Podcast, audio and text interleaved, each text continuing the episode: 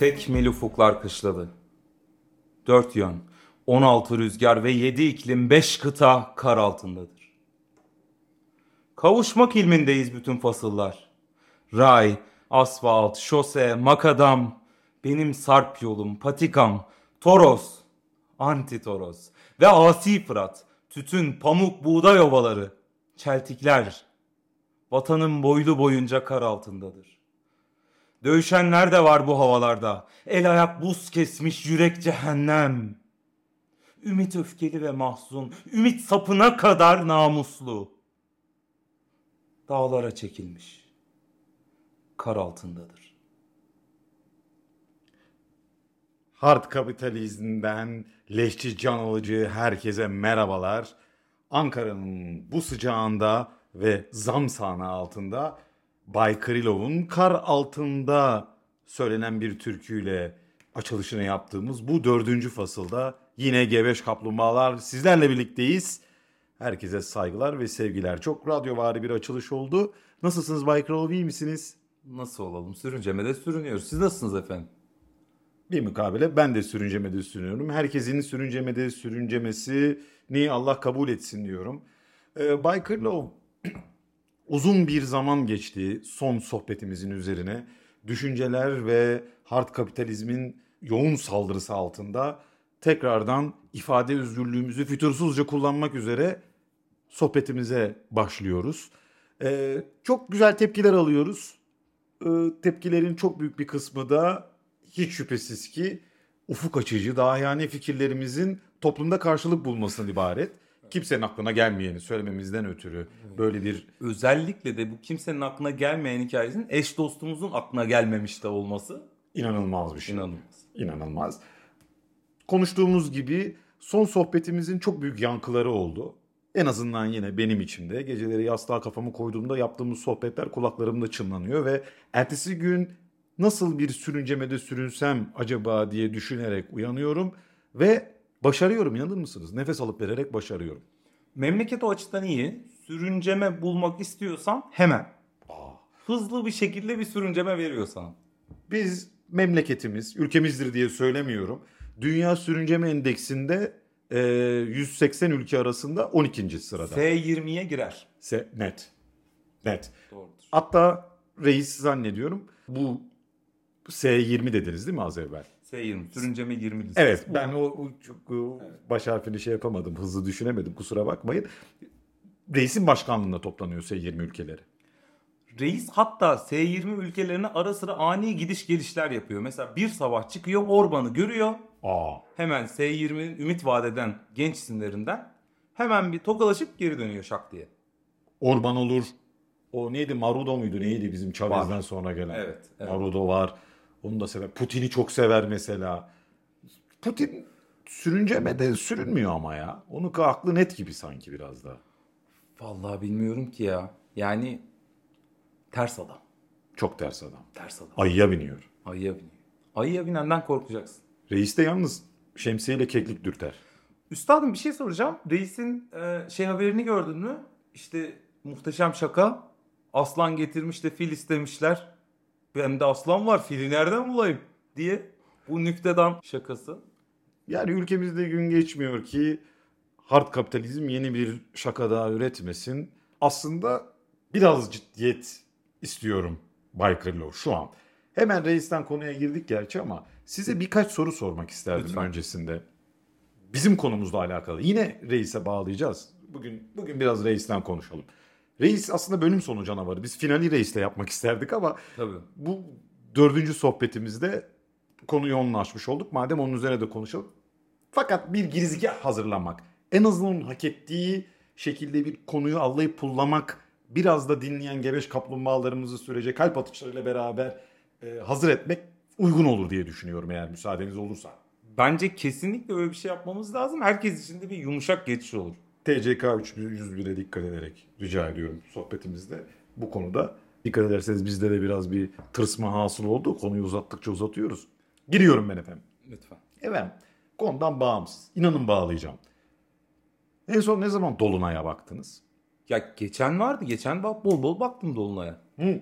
Siz öyle dolaya bakan bir adam mısınız? Ben Dolunay'a bakan bir adamım. Dolunay'dan çok yakamozla ilgilenen bir adamım. Beni yakamoz sallar. Ankara'da da yakamoz bir başkadır ya. Şöyle Ankara'da da yakamoz istersen bulabilirsin. Göle gidersin, bakarsın. Yakamoz dediğin şey ayın suda parıltısıdır. Sen bir leğenin içine su doldurur, kendi küçük mikro yakamozlarını da yaratabilirsin. Benim için budur yakamoz. Yakamoz.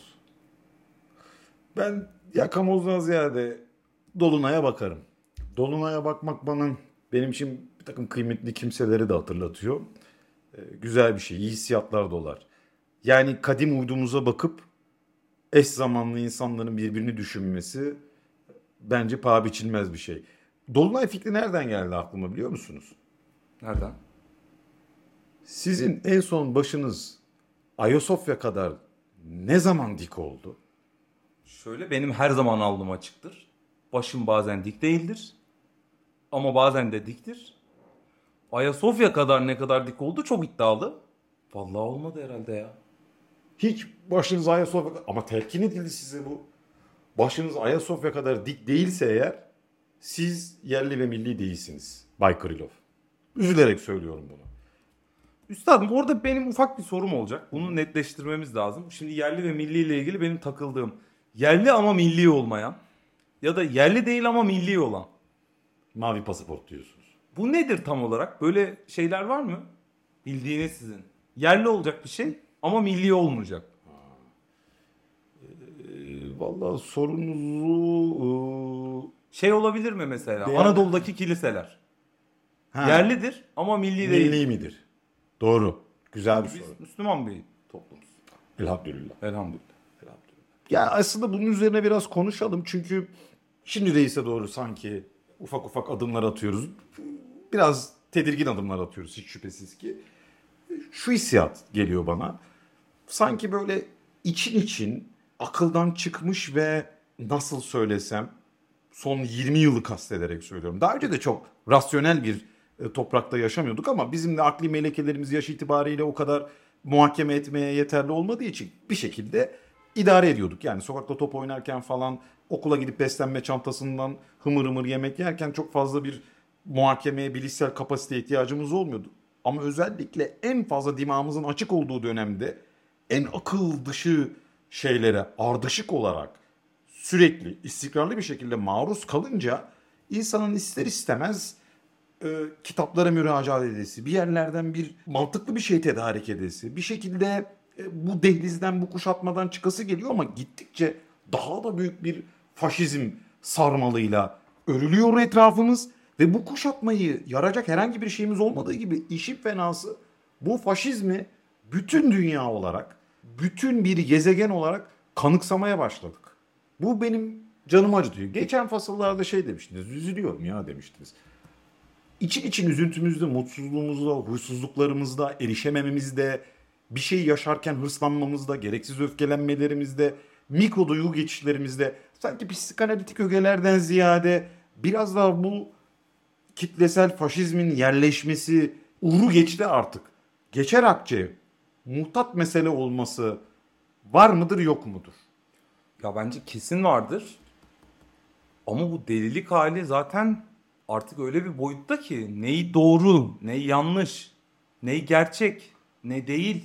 Bunu anlamak zaten imkansız hale geldi üstadım. Yani sadece şöyle son birkaç haftada yaşadıklarımıza bakıyorum.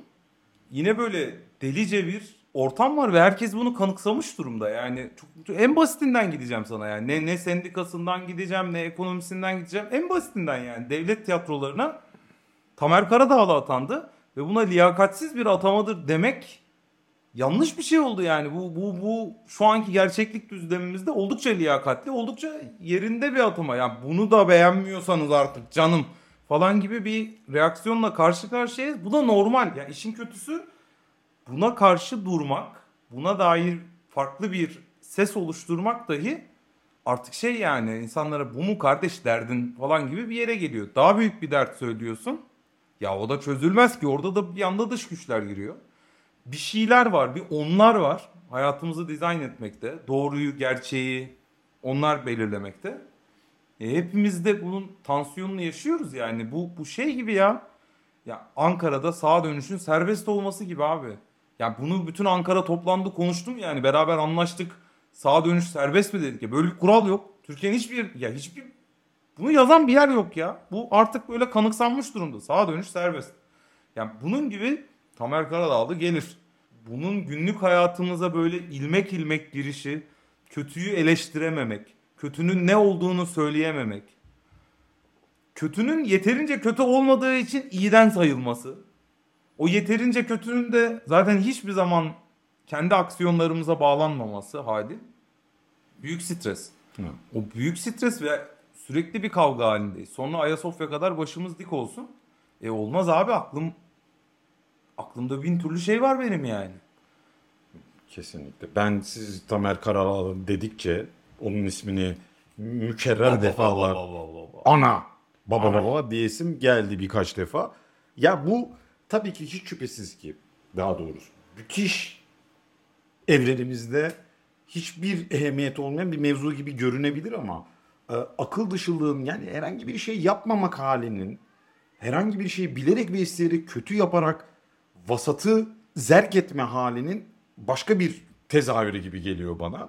Ta Tamer Karadağlı diye de hiç tanımadığımız biri olsaydı benzer öfkeyi işitir miydik bilmiyorum ama yani gerçekten Üstad benim bak en çok çıldırmak üzere olduğum ya hayatında tiyatroya gitmeyen insanlar bu, bu konuyla ilgili bir savunma cüretine sahip. Tam bunlar yaşanırken devlet tiyatrolarından dünya kadar istifa oluyor. Devlet tiyatroları çalışanlarından diyorlar ki yani bizim burada devlet tiyatrolarının müdür olabilecek yetenekte, kabiliyette çalışanlarımız, emektarlarımız var diyor. Bunlar duyulmaz oluyor. Bunlar artık rabarba haline geliyor. Yani makbule Ahmet Hakan'ın belirlediği bir ülkedeyiz yani. Evet, Anladın mı ya? Bu, bu çok Evet. acayip ya. Burada hepimizin bir durması lazım yani. Bu herif makbulü belirliyorsa bizim hepimizin Evet. Na- nasıl sakin kalacağım abi ben? Ama bak bunun için malzemede çok iyi bir Bay Krylov. Yani bizim memleketin malzemesi de iyi. Mesela şöyle şeyler hatırlıyorum ben geçmişten bugüne. Vakti zamanında hobi derecesinde solcuyum diyen bir rockstarımız. Kendisinin e, Balans ve Manevra diye bir filmi de var. Genelde dallamalık yapmakla meşgul. İyi şarkıları vardır yoktur bilmiyorum. İstanbul'da sonbaharı severim gerçi ama e, çok da hakim değilim konuya. Necip Fazıl için e, bir şarkı yapma kararı almış. Buradan tamamen aslında reise de bağlayabileceğimiz bir durum ortaya çıktı. Şöyle ifade ediyorum ben bunu. Necip Fazıl biliyorsunuz son 20 yılın sanki Türkiye sağının e, akıl önderiymiş, bir e, teorisyeniymiş gibi ifade edile gelir. Fakat Necip Fazıl'ın bir dava adamı olma vasfı son derece zayıftır. E, Necip Fazıl'ı şair olarak şiirlerini okuduğunuzda hiç şüphesiz ki kıymetli şiirleri vardır. Sanatçı ve sanat ürününün birbirinden ayrılmasıyla ilgili Bay- neden şimdi iki saattir Necip Fazıl'dan bahseder oldum ben? Bir hemen geri basıyorum. Necip Fazıl hakkında konuşmayacağım. Daha fazla şey yapmak istemiyorum ama yaranma hali var. Herkesin istisnasız reise bir mesaj yollama hali var. Fakat şu oluyor günün sonunda. Ben uzun zamandır hep bir iddiada bulunuyorum. Bizim memleketin çözüldüğünün kanıtı olan bir an var. O an çok böyle filmlerde, belgesellerde 20 yıl sonra 30 yıl sonra eğer bir yakın tarih belgeseli yapılacaksa hangi görüşten olursa olsun çok kritik bir an ve bence açılış onunla yapılacak. En kritik yani böyle ideolojik düzeyde artık bütün rezilliğin, kepazeliğin, çürümenin ayyuka çıktığı bir an. Senaryo mecliste yazılıyor. Karemiz meclisten. Karaman'da tecavüz edilen kayınderin e, evinde tecavüz edilen çocuklardan sonra o dönemin Aile Bakanı hakkında Gensor önergesi veriliyor. Gensor oylamasında tabii ki çoğunluk iktidar partisi AKP'de olduğu için bakanlığın düşürülmesi gibi bir durum söz konusu değil. Gensor'u oylaması neticesinde e, herhangi bir azil söz konusu olmayacak. Fakat bunu bile bile kapalı oya atarken AKP'li milletvekillerinin geçmiş dönemin Adalet Bakanı Bekir Bozdağ'ı sanki o fotoğrafta görüyor gibiyim. Ee, müthiş bir kahkahalarla bir de şu eleman vardı. Geçen yerel seçimlerde hiçbir şey olmadıysa bir şey olmuştu diyen. Anladım anladım. de. He, ismi lazım değil diyelim. Ee, onun da bulunduğu bir fotoğraf. Onların o kahkahalarla o çocukların tecavüzleri üzerine koyduğu attıkları rey var ya. İşte bak o gerçek anlamda benim bu hayatta en fazla öfkelendiğim anlardan biriydi. Şimdi ideolojik olarak iyi ve kötünün, doğruyla yanlışın ayrıldığı birçok yer olabilir. Herkes bir argümanı savunabilir. Hele bu liberal ifade özgürlüğü çağında hiç şüphesiz ki, hiç şüphesiz ki herkesin tutunabileceği bir yer olabilir. İşin bir ucundan tutarsın başka bir yere çekersin. Yerli ve milliliği sabaha kadar tartışırsın. Doğruyu yanlışı hele felsefi boyutta sonsuza kadar tartışırsın. Ancak tecavüz uğramış çocuklar varsa ve bunlar acı çekmişse ve bu herhangi bir yerde, herhangi bir ölçüde dair mesele edilmişse bunun üzerine kahkaha atamazsın. Yalandan dahi olsa somurtacaksın. Somurtman lazım. Eğer bunun üzerine gülersen ve o gülündüğünde hiçbir şey yapmazsan bir günde 42 saniye içerisinde 100 bin tane adam ölür ve 3 ay sonra o adamların ölmesine sebebiyet veren, daha doğrusu ihmal suretiyle icraî faaliyet gösteren bir iktidarı bayraklarla Söğüt Özü'nde karşılarsın. Çok sustuk ya. Çok sustuk. Gerçekten çok sustuk. Bu, bu bir hayalperestlik değil. Sustuk ve biz üzerimize düşeni başkalarına tevdi ettik. Bak sana ben bir şey söyleyeceğim. Böyle bazen şunu söylüyorum. Lafı çok aldığımın farkındayım. Yo, yo, Lütfen siz de göz devirdiniz az evvel. Onu görmedim değil de. Şimdi ben böyle bazen Cübbeli Ahmet Hoca falan hani Arapça bir şey falan der. Ondan sonra ya ne diyor ki şeytanla bilmem ne yapalım falan diye. Ben de bazen Marx okurken böyle bir hissiyata kapılıyorum. Yani sanki inanmak istediğimi teyit ediyormuş gibi okuyorum ve hatta Marx üzerine yazılmış başka kitaplar, Marksist yazarların ikincil kitaplarını okurken falan da sanki hadisleri okuyormuş gibiyim. Yani ana kaynağı yorumlayan şeyler ve inanmak için okuyormuş gibiyim. Fakat hiç şüphesiz ki o Kur'an'a dair tartışmasız, sorgulamasız, sualsiz inançla onun arkasından gitmekle alakalı mevzu Marx için söz konusu olamaz. Çünkü Marksizm bir bilimsel sosyalizm fikrini ortaya koyar ve bu sadece fikir boyutunda değildir. Bunun e, maddi temelleriyle açıklamasını yapar, sağlamasını yapar, argümentatiftir vesaire vesaire.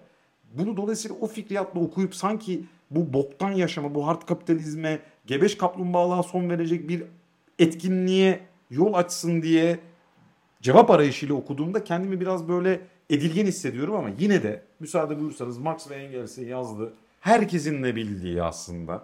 Şu girişi okumak istiyorum ve başka bir yere bağlayacağım. Avrupa'da bir heyula kol geziyor. Komünizm heyulası. Yaşlı Avrupa'nın bütün devletleri, papası ve çarı, maternihi ve gizosu, Fransız radikalleri ve Alman afiyeleri bu heyulaya karşı kutsal bir sürgün avında el ele vermişlerdir. Şimdi bu 1848 yılında yazıldı yani yaklaşık e, 100, 50 demeyeyim 180 yıl önce falan yazıldı. Hı hı. O zaman da hard kapitalizmin daha erken dönemleri, genç dönemleri e, devamında da Komünist Manifesto akar gider.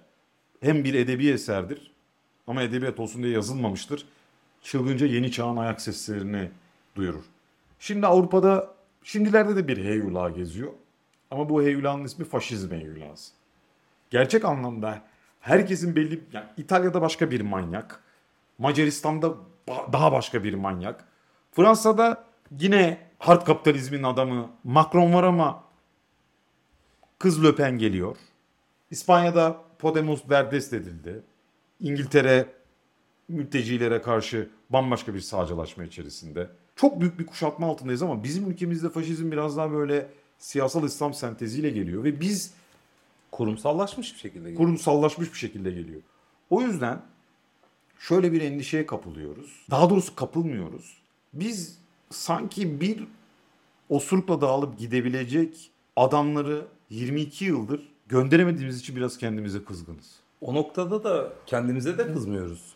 Kendimize de kızgınız. Yani hikaye buna sebep olan herkese kızmakla başlıyor. Kızmayı da bir noktada makbul de görüyorum ben. Yani kızarsın da. Çünkü öyle bir ortam vardı ki bence birkaç ay öncesine kadar. Sanki böyle elimize kadar gelmişti her şey. Sanki bu kadar çok yanlış üst üste yapılmasa e, bir şeylerin değişme ihtimali vardı. Ama işte şimdi bak az önce anlattığın o kırılma anı bana şeyi de düşündürtüyor hocam. Belki de kendimizi kandırdık yani şu bağlamda kendimizi kandırdık. Yani konuyu müstehaka çevirmek de istemiyorum bir yandan ama ya o çöküntü O an korkunç bir an. O fotoğraf korkunç bir fotoğraf. Ama öyle fotoğraflar bir çırpıda o kadar çok aklıma geliyor ki. Yani bir anda işte Soma'nın sonrasındaki tekme sahnesi geliyor aklıma. Neler neler yani. Yusuf Yerkel onu. Evet Yusuf Yerkel geliyor aklıma. Yani böyle çok kırılma anı var bence artık. Ve o kırılma anları artık şeyi yarattı yani. Ben ben şeyi de unutamıyorum işte Gezi'den sonra Türk polisi onurumuzdur falan diye Güven Park'a asılan posteri de unutamıyorum. Böyle bin tane an var yani artık. Artık maalesef mazi çok geniş yani. O mazi genişliğinde acaba bunun bu sefer değil ya bu sefer oluyor hissi çok acayip bir balondu. Bir yanıyla da birinin de üstlenmesi lazım yani. Birinin de evet kardeş yapamadık. Başarısızlık demesi lazım. Birazcık şey yordu abi. Herkesi yordu. Yapılabilecek her şeyi yaptık. Her şey de çok iyiydi. Çünkü o korkunç bir ümitsizlik sarmalı. O şey demek yani. Bundan sonra da böyle demek. Şu an çok açık bir meşruiyet problemi var değil mi iktidarın? Bunu bunu söylemekte bir beis görmüyorum ben. Reisin de bir meşruiyet problemi var aslında. Konuşmuyoruz ama yani seçim süresince yapılanlar, bu seçim ortamının demokrasiyle uzaktan yakından alakası olmaması, bütün bunlar temelde bir meşruiyet problemi doğuruyor. Ama biz bunu konuşamıyoruz bile çünkü doğrudan bunu iddia et yani bunun direkt mağdurları bunu konuşmuyor. Ya bunu konuşuyor da çok daha alt seviyeden konuşuyor. Başka bir sürü başka şey de konuşuyor. Ya Bütün bunlar da öyleyse yani şöyle düşün. Bir tane duvara yumruk atıyorsun, yumruk atıyorsun, yumruk atıyorsun. Duvarda hiçbir esneme yok ya. Sonra dönüyorsun bir tane yastık gibi bir şey var. Ulan vurdu mu? E vurmaya devam ediyorsun o zaman. O yüzden şu dönem özellikle kesilen cezayı da çok absürt bulmuyorum galiba. Ya bu evet bence Adını da koyalım bu arada. Söylediğim şey yani Kılıçdaroğlu'na doğan büyük öfke e, selinden bahsediyorum. Çok da normal geliyor bana yani. normal gelmesi de normal. Ben kabul ediyorum. Pirom biraz hayal kırıklığına uğrattı herkesi. Hiç şüphesiz ki. Ama burada futbol yorumcuları gibi bir şey de yapılıyor yani ülkede. Yani kaybeden takımın hiç o süreci değerlendirmeden direkt üstüne gidildiği bir ha- hal de var. Açıkçası şununla ilgili bir şey söylüyorum. Söylediğim bütün her şeyde çok basit temeldeki bir argümanda yanlışlık var. O yanlışlık da şu ki biz her şey değişmesini 14 Mayıs'ta sandığa giden kabinin içerisindeki bir takım insanların yani bir takım insanlar dediğim yaklaşık 56 milyonluk bir kitleden bahsediyoruz. Yani hiç azımsanmayacak bir kalabalık. En azından bunun yarısından bir fazlasını karar verme yetkisini Kılıçdaroğlu'na vermesini istedik öyle değil mi? Ve bu zaman bir şeylerin değişeceğini düşündük. Sadece bu bizi buraya çekmeleri benim hazmedemediğim nokta. Ben ben başından Hocam beri problem şu bence. Eğer şöyle olsaydı bir şekilde konu Kılıçdaroğlu'nun demokratik bir şekilde aday olmasıyla olsaydı mesela. Bu noktada katılırdım. Lakin öyle olmadı ki. Yani bu bize dayatıldı. Dayatılmasıyla beraber hepimiz buna tabi olduk. Bunun için de elimizden geleni yaptık. Bu dayatmanın da doğrudan sorumlusu bence Kılıçdaroğlu'dur yani. Altılı Masa sürecinde yaptıkları altılı masaya katılan partiler, Demokrat Parti, Gerçeği Gelecek Partisi, Deva Partisi, Saadet Partisi, Ondan sonra da bu arkadaşlar beni aday gösterdi o yüzden aday oldum. Benim aslında ben aday olacağım diye diretmedim söylemleri. Yani bu abi buna kargalar güler yani. Buna kargalar güler ve hani bu dayatıldı. Bu dayatılırken de uyarıldı, söylendi. Çünkü evet abi bir gerçek var yani. Burada Anadolu irfanı diye bir gerçek var yani. Bunun ne menen bir şey olduğunu hepimiz biliyoruz yani. Hataları nasıl af- Hata demeyeceğim aslında. Bir takım doğru diye kodlanmış şeylerin karşılığının ne olduğunu bu memleket aslında Cumhuriyet'in başından beri defalarca kez aynı refleksi göstermiş. Farklı bir refleks göstermedik. Sürpriz yapmadık ki aslında. Birçokları için en başına dönersek fotoğrafı işte bir buçuk sene öncesine sararsak kimse için sürpriz değil olan bir tane. Ama arada biz o hikayeye inanmak zorunda kaldık. Çünkü geride kalan aktif durum o kadar berbat ki. Heh, işte bak burası. Ya bütün mesele burası. Bak sevgili dostum Bay Krylov. Şimdi yok kendini dayatmış orada bir takım mizansenler döndü. Yok o geldi bu gitti falan filan. Şimdi ben böyle şeyleri seçimden önce de okudum. O Cüneyt Özdemir denilen o da ayrı bir e, oynaktır. Neden böyle insanları dinledim bilmiyorum. Herhalde çok boş vaktim var bilmiyorum ama Ben kardeşim dedi e, altı kişi kapanıyorlar bir odaya birinin aday olmasına karar veriyorlar falan filan. Sevgili dostum dünyanın hiçbir yerinde ama hiçbir yerinde başkan adayları toplum tarafından oyla gösterilmiyorlar ki. Bir kamuoyu inisiyatifiyle gösterilmiyorlar ki. Amerika'da da iki tane parti var. Seçimlere giren majör. Demokratlar kendi delegeleriyle kendi adayını seçiyorlar. Evet belki bir ön seçim yapıyorlar. Cumhuriyetçiler kendi adaylarını kendi şeyle seçiyorlar. Amerika'da demokrasi var falan demiyorum. Zaten seçimde değil demokrasi. Zaten bizim aradığımız kendi kendimizi yönetebilmek. Biz bize daha az kötü davranacak adamı seçmek istiyoruz. Halbuki biz yönetmek istemiyoruz. Biz dediğim biz halk. Biz halk. Biz Kılıçdaroğlu'nun bence bize yaptığı en büyük kötülük altılı masayı kurup kendini bize dayatması değil. Bu bu değil. Bu daha doğrusu tek kötülüğü değil. Bu arada da şunu samimiyetle söyleyebilirim. Gönlüm çok ferah. Konuşulan adaylar arasında en fazla ben içim sinerek Kılıçdaroğlu'na oy verirdim. Çok da içim sinerek verdim. Ama ondan bir kurtuluş beklemedim. Ondan bir kurtuluş asla beklemedim. Çünkü kurtuluşun sandığın akabinde gelmeyeceğini biliyordum. İşte meselemize geri dönelim Bay Krylov. Biz Karaman'da çocuklar tecavüz edildiğinde düzenli olarak, istikrarlı olarak oraya denetmeni atayan, oraya hiçbir şekilde e, denetlemeyen, o çocukların nasıl okula gideceğine dair herhangi bir önlem almayan, tesis sunmayan insanlar yargılanırken, daha doğrusu mecliste yargılama ne kelime? Haza. Hiç kimse yargılanır mı? Reis kimseyi arkada bırakmadı. Merve Dizdar'a mı? Neydi? Merve Dizdar'a değildi. Kime o ödül veriliyordu o? e, Tamer Karadağlı bir kadın sanatçı ödül verirken. Ee, anımsadım dediğin de. Bak ismini İsmini unuttum. Ha, neyse çok kendisi affetsin bizi dinliyorsa şayet ki kesin dinliyordur. O oradaki yaptığı o ağız burun bükmeler, göz devirmeler, tuhaf tuhaf hareketler değil mesele. Mesele biz orada o çocuklar tecavüz edildikten sonra tepki vermedik ya. O çürümeye göz yumduk ya. Ondan sonra senin de az evvel söylediğin gibi bin tane olay olduğunda, bin tane erili ufaklı ihlal olduğunda, canımız yandığında, sorular çalındığında, yolsuzluk yapıldığında, ayakkabı kutuları doldurulduğunda, şeyler bilmem neler sıfırlandığında, o olduğunda, bu olduğunda, şu olduğunda.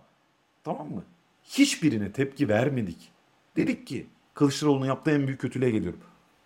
Evet susalım dedik. İktidara yarar. Bekleyelim dedik. Aman ekmeklerine yağ sürmeyelim dedik. Bakınız bunu kim söylüyor biliyor musunuz?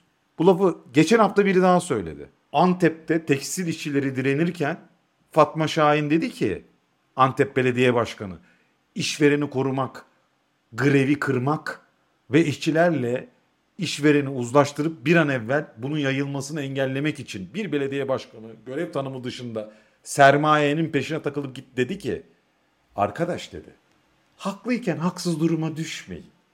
Haklılık sanki davranmamayı peşinde getiriyormuş gibi. Haklılık mağrur olmayı, mağdur olmayı, susmayı, kan kızılcık, kızılcık şerbeti içtim demeyi gerektiriyormuş. Bunu şart koşuyormuş gibi.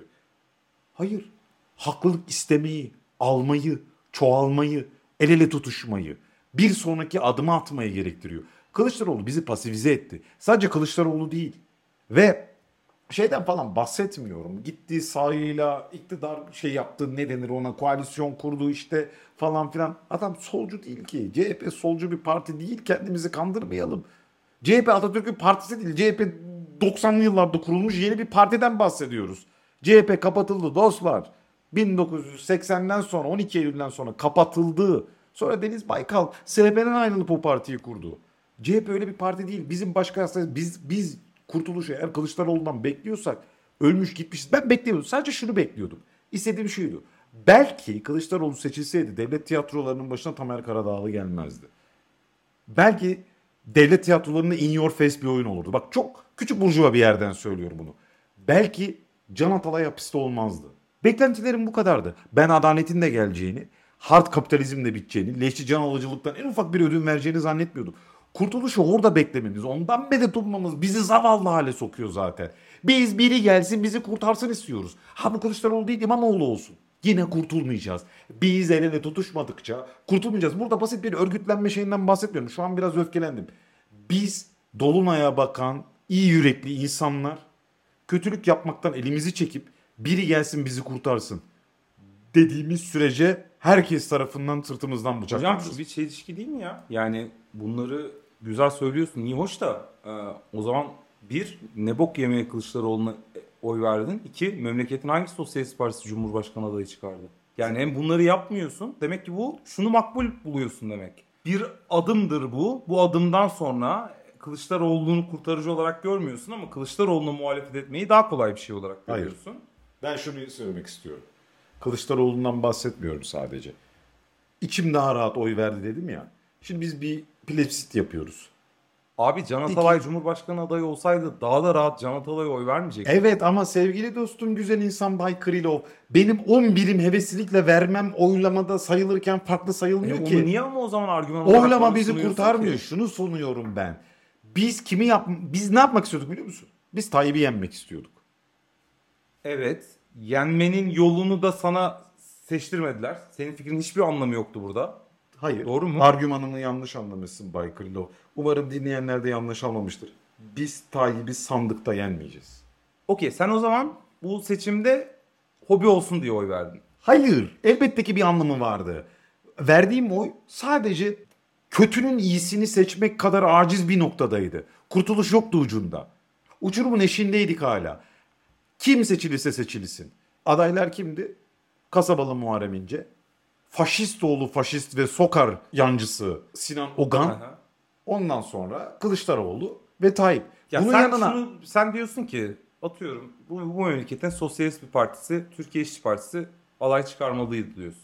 sevgili dostum tam tersi onu söylemiyorum.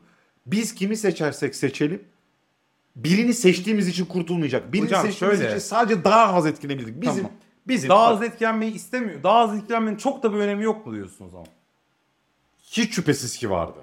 Hiç şüphesiz ki yok. Kaybettiğimiz üzüldüm ben. Aa ne olsun boş ver canım seçilsek bir bok olmayacaktı demedim. Kahroldum. 14 Mayıs günü anladık zaten biz bunu. Şimdi, Ama Ha. şundan bahsediyorum. Lütfen kendimi ifade etmeme müsaade edin. Bay Kırlov. Siz e, bu konuda çok katı bir şey söylüyorsunuz. Ben de laflarımı unutuyorum. Böylelikle size sataşarak zaman kazanmaya çalışıyorum. Şunu kastediyorum. Eğer ki biz Kılıçdaroğlu'nu seçseydik de bugün yine leşçi, can alıcı, hard kapitalizme uyanmayacak mıydık? X sermayesi yerine Y sermayesi kazanmayacak mıydı? Bak hiçbir şey ifade etmediğini söylemiyorum. Hala daha cebimde devlet tiyatrolarına atanmış daha iyi bir genel müdürü var. Hala daha belki Merkez Bankası'na, belki e, çeşitli yerlere atanmış daha liyakatli yöneticiler var. Ama bizi liyakatli yöneticiler kurtarmayacak. Tamam. Bizi liyakatli emekçiler kurtaracak. Liyakatçi emeklerin Mayıs seçimlerinde bizi kurtarma ihtimali var mıydı? Seçimle kurtarma ihtimali yoktu. Okey. Yani o zaman sen şunu mu diyorsun hocam? Yani kimin aday olduğu mühim değildi. Doğru mu? Yani o adayda kaybetti diye de ona kızmayın. Yok kızın istediğiniz kadar kız. Sabaha kadar kızın. Ama esas kızacağımız adamı unutuyoruz bazen. Ben bence kızalım. Bence ben söylüyorum, tekrarlıyorum bunu. Ben 14 Mayıs günü Ya şöyle kabak gibi bir soru sorsam sana. Sonra. Kılıçdaroğlu sence istifa etmeli miydi? umurumda bile değil. CHP'ne ne olup ne bittiği benim umurumda değil. Çünkü beni CHP kurtarmayacak. Beni bir şey söyleyeyim mi? Türkiye İşçi Partisi de kurtarmayacak. Türkiye İşçi Partisi'nin üyeleri kurtaracak. Oraya emek verenler, orada bulunanlar. Bak bunu küçümsüyoruz. Mikro olarak kendimize baktığımızda kendimizi bir böcek gibi falan görüyoruz. Herkes Gregor Samsa olarak mı uyanıyor? Ne yapıyor hocam? Ben anlamadım.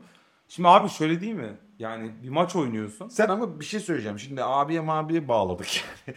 Lütfen bana ismimle hitap et. Ben size abi demiyorum. Peki, peki Sayın Piyotur. Şöyle soracağım. Bir yere gitmek istiyorsunuz. O yere gitmek için evet, uçakla gideceksiniz oraya. Ama önce havalimanına bir ulaşmanız lazım öyle değil mi? Yani sen diyorsun ki havalimanına ulaşıp ulaşmamam sikimde değil. O uçak bu evden kalkacak diyorsun. Kardeş o uçak bu evden kalkmıyor. O uçağı kaldırman için havaalanına gitmen lazım. Meta- Havaalanına gideceksin yani. Hani bunda ve havaalanına götüreceğim diyen adam gelmedi yani. Ben diyorum ki metaforu doğru kuralım. Soyutlamanızda şöyle bir hata var. Uçakla gitmek kolay bir yol. Yo siz diyorsunuz sayın. Ben yürü, gerekirse yürüyeceğiz diyor. Bugün katılım Ben gelecek, gerekirse devrim yapacak yürüyeceğiz. bu ülkede. Yani bu uçakla gitmekten çok daha büyük bir şeyden bahsetmiyor muyuz yani? Evet yürüyeceğiz. Uçakla gitmeyeceğiz. Oraya yürüyeceğiz. Oraya yürünecek. Biz kıssadan olsun istiyoruz. Biz bir günde bitsin. İnan bana 15 Temmuz gün 15 Mayıs günü kalksaydık Kılıçdaroğlu seçildiğinde de onunla da çatışacak. Devrim bir yürüyüş müdür? Devrim bir yürüyüştür. Onun en hızlı 100 metresinde Deniz Gezmiş ko- koştu diye şey yazmış. Can Yücel yazmış. Ama ben bundan bahsetmiyorum. Aslında biraz da bundan bahsediyorum. Biz esas düşmanı ne olursun unutmayalım. Hırsız hala orada. Ha TCK 301 olmadı. Hayır Çok metafor hırsızı. Hocam metafor hani hırsızın hiç mi suçu yoktaki hırsız? Lütfen rica edeceğim. Hırsızın hiç mi suçu yoktaki hırsız? Yani kapıyı açık bıraktık diye. Siz buna da kesin böyle bir göz devirmeleriniz falan var. Bir müstezi müstezi gülümsüyorsunuz ama şunu söylemek istiyorum. Şu noktadayım. Bizi bizden başka kimse kurtaramayacak. Evet bir yetkiyi birine tevdi edeceğiz. Kamusal yetkiyi biri kullanacak. Bu her zaman böyle olacak. Ama köy işlerinde Yok, böyle olacak değil. ama ima- şey böyle değil ya. Siz şunu istiyorsunuz. Bunu ortaya koymak lazım. İşçiler gelecek. Meclisi işgal edecek ve bir devrim yaşanacak yani. ama sosyalizm hemen gelmeyecek. Devrim işçiler meclisi işgal ettiği gün olmayacak. Süreç gerekecek. Tekrar örgütlenmek gerekecek. İlmik ilmik. O zaman şöyle bir Emeğin sorun karar yani. verdiği anlar gerekecek. Neden neden reise oy vermediniz? Yani verin ki buradaki sabır taşı çatlasın madem yani. Çünkü tam tersine daha liberal bir seçim bunu daha uzaklaştıracak diye anlıyorum söylediğinizden. Çünkü devlet tiyatrolarına Tamer Karadağlı'nın atanması bir şey daha yazdı yani. Bir çentik daha doldurdu. Atanmasaydı başka bir sermaye kazanmış Zaten olacaktı. Bence şöyle oluyor zaten. Bu mevzi mevzi oluyor. Eğer ki biz devlet tiyatrona Tamer Karadağlı geldikten sonra devlet tiyatro repertuarını gelecek sene dikkatle takip edelim. Devlet tiyatrolarına giden gençler, insanlar, öğrenciler daha muhafazakar ve daha yerli milli oyunlar izlemeye başlayacaklar. Daha yerli milli oyunlar izleyen insanlar bunlardan daha fazla etkilenecek. Teoman'ın Necip Fazıl'a karşı şarkısını dinleyenler daha az Nazım okuyacaklar. Daha az, daha fazla pardon Necip Fazıl e, okuyacaklar. Anlatabiliyor muyum? Yani biz buradaki iktidarı pekiştirdikçe, buradaki iktidarın değirmenine su taşıdıkça, buradaki iktidar daha fazla gücünü tahkim ettikçe ana hedeften, başka şeylerden daha fazla uzaklaşıyoruz ve günün sonunda şuraya geliyoruz. Ya Nevşin Mengü falan da diyor bunu. Bu kabul edilemez bir şey. Recep Tayyip Erdoğan bir seçim dehasıdır. Ne yaparsa yapar o bir şapkadan tavşan çıkarır. Ya nereye çıkarıyor tavşan?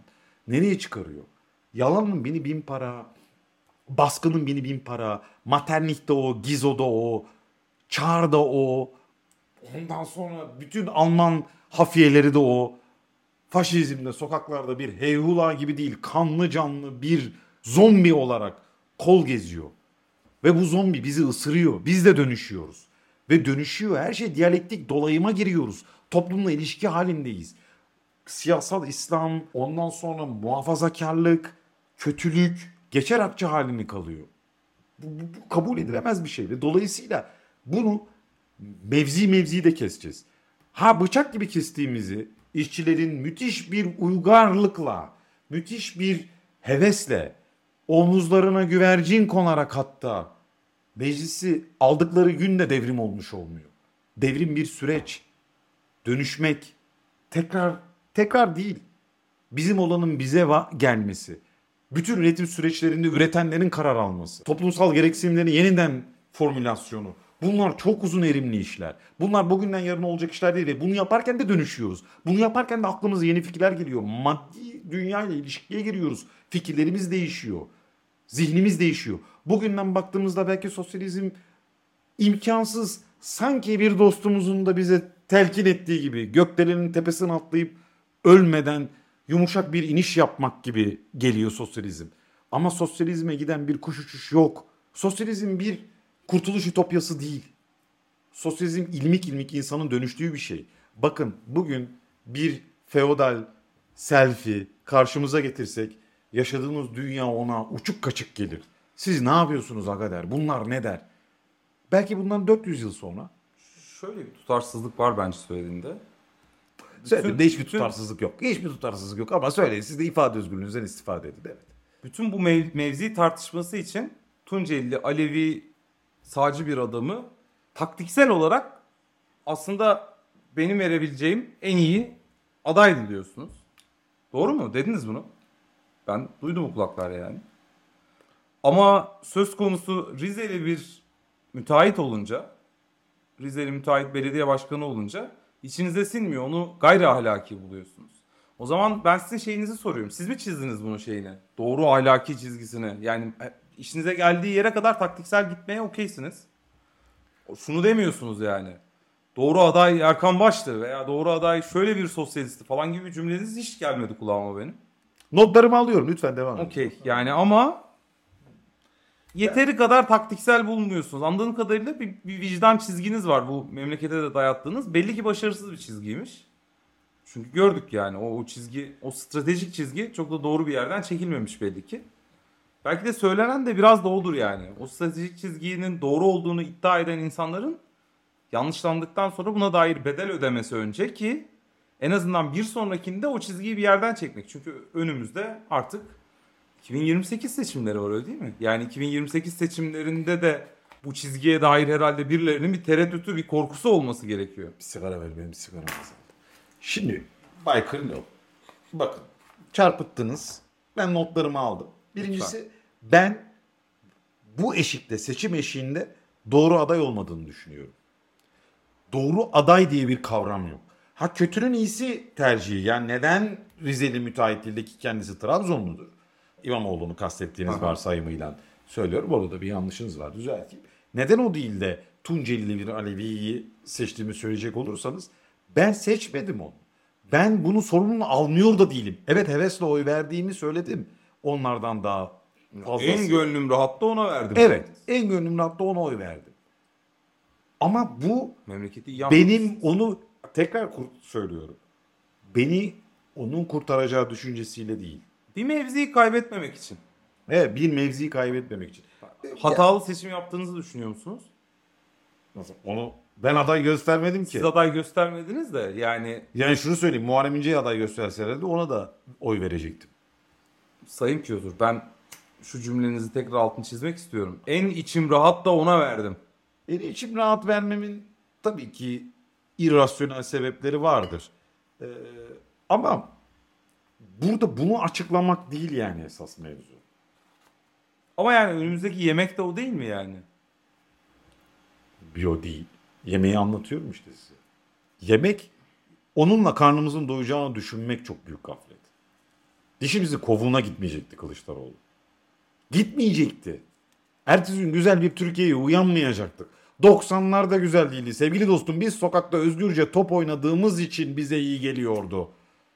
Bu bir nostalji. 90'larda da faili meçhul vardı. Uğur Mumcu'yu da 90'larda vurdu. Madımak da 90'larda oldu. Bir sürü şey var. Bir sürü katliam var. Bir sürü kötülük var. Bir sürü hırsızlık var. Bir sürü yolsuzluk var. Bir sürü sömürü var.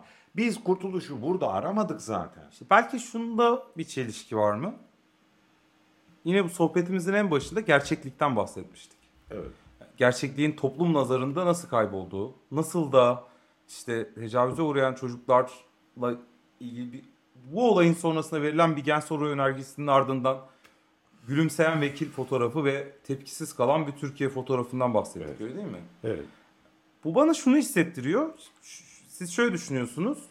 Aslında toplumun geneli, büyük bir çoğunluğu gerçeklik algısından zaten uzakta. Zaten sizin oy verdiğiniz sayıklarla oy verilmedi Kılıçdaroğlu'na. Zaten birçok oy veren insan sizin gibi bir mevziyi daha kaybetmeyelim. İşte ne bileyim Muharrem İnce de olsaydı ben ona verirdim. Elbette bunu diyen önemli bir kitle vardır. Yine aynı sayıklarla değildir. Kaşısam bence onda da çok ciddi farklılıklar çıkar ama şunu söylerseniz büyük hata edersiniz bence. Tayyip Erdoğan karşısı diye bir şey vardı. Tayyip Erdoğan karşısında alınabileceği oy alındı ve biz bu fotoğrafı gördük aslında seçimde. Bu fotoğrafın bedeliyle ilgili de söylenecek hiçbir şey yok. Ama buna güvenmemekte tabii özgürsünüz. Siz artık benim anladığım kadarıyla herhangi bir argümantasyon yaparken işinize gelen veriler anlamlı veri oluyor. Ama bir takım Ağır anketler, ağır konuşuyorsunuz. bir takım Bay Kırlov ağır konuşuyorsunuz. Bakın siz hiç Bruce Lee filmi izlediniz mi? izledim tabii. Bruce Lee filmlerinde temel prensip şudur. Bir odadasındır ve odada eğer Elinin altında nançako varsa nançakoyla saldırırsın. Eğer masa varsa masayla saldırırsın.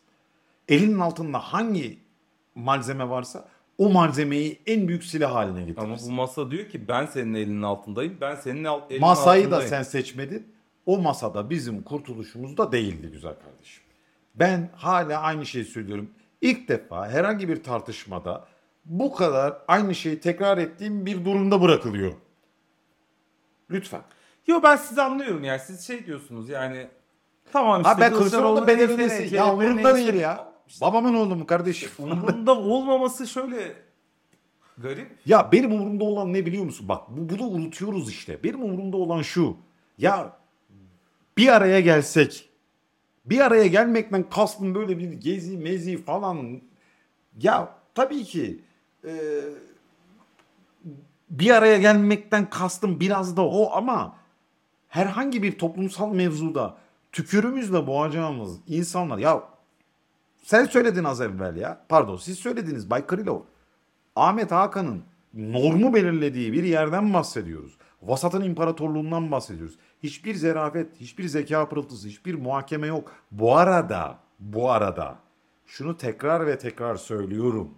Eğer ki reis bu kadar oy alıyorsa bunun sınıfsal bir sebebi vardır. Biz bunlar üzerine kafa patlatmıyoruz. Biz sadece masanın yanlış aday belirlediğiyle ilgili bir tartışma içerisindeyiz. Ya beni şunda ikna ettin. Bunun bir meclis savaşı olduğu konusunda ikna ettin. O, so- o konudaki argümanlarını satın alıyorum. Ama işin sıkıntılı yanı şu.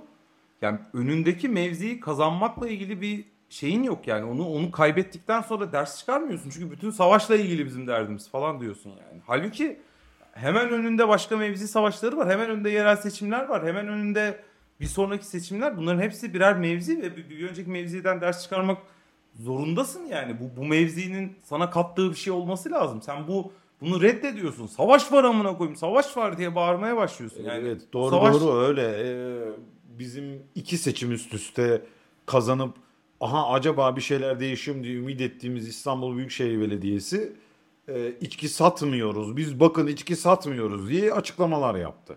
İçki satmanın da bu arada özgürlükle uzaktan yakından alakası yok ama aynı faşizmin kuşatması altında onlarda.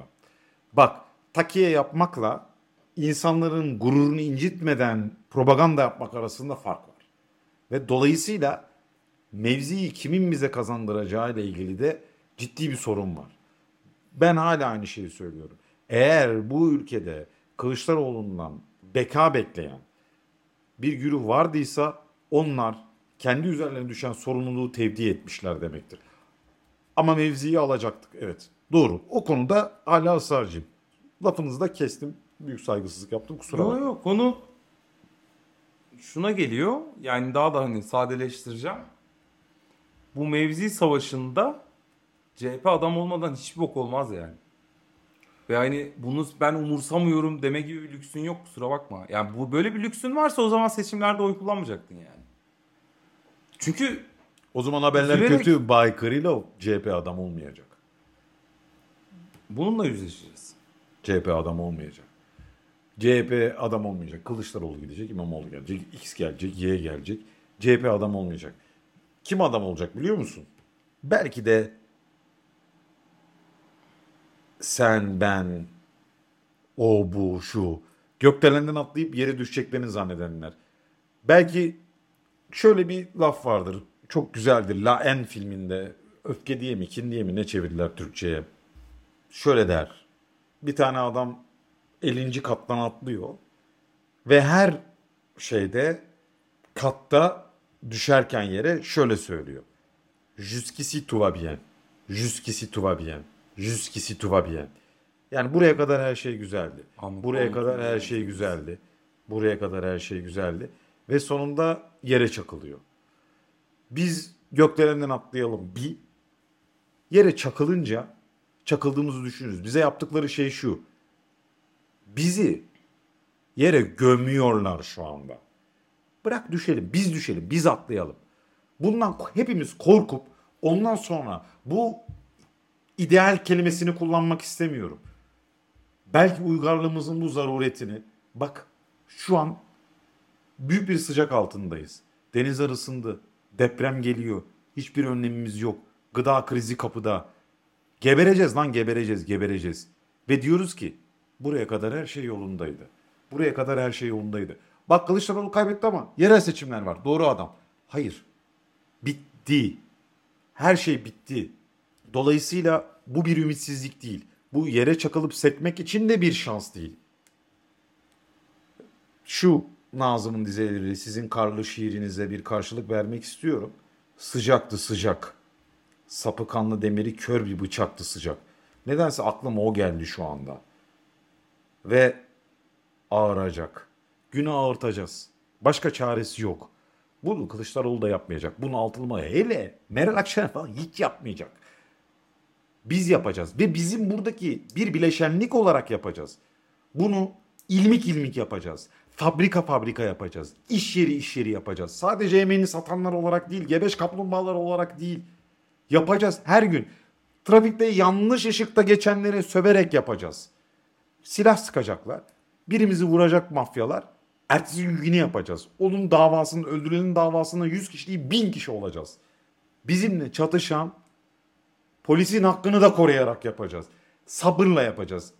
Yapacağız ilmik ilmik onlar nasıl bu faşizm ağını ördülerse, nasıl bizi kuşattılarsa o heyula tekrar Avrupa'da kol gezecek. Bu bir umut pompalama değil.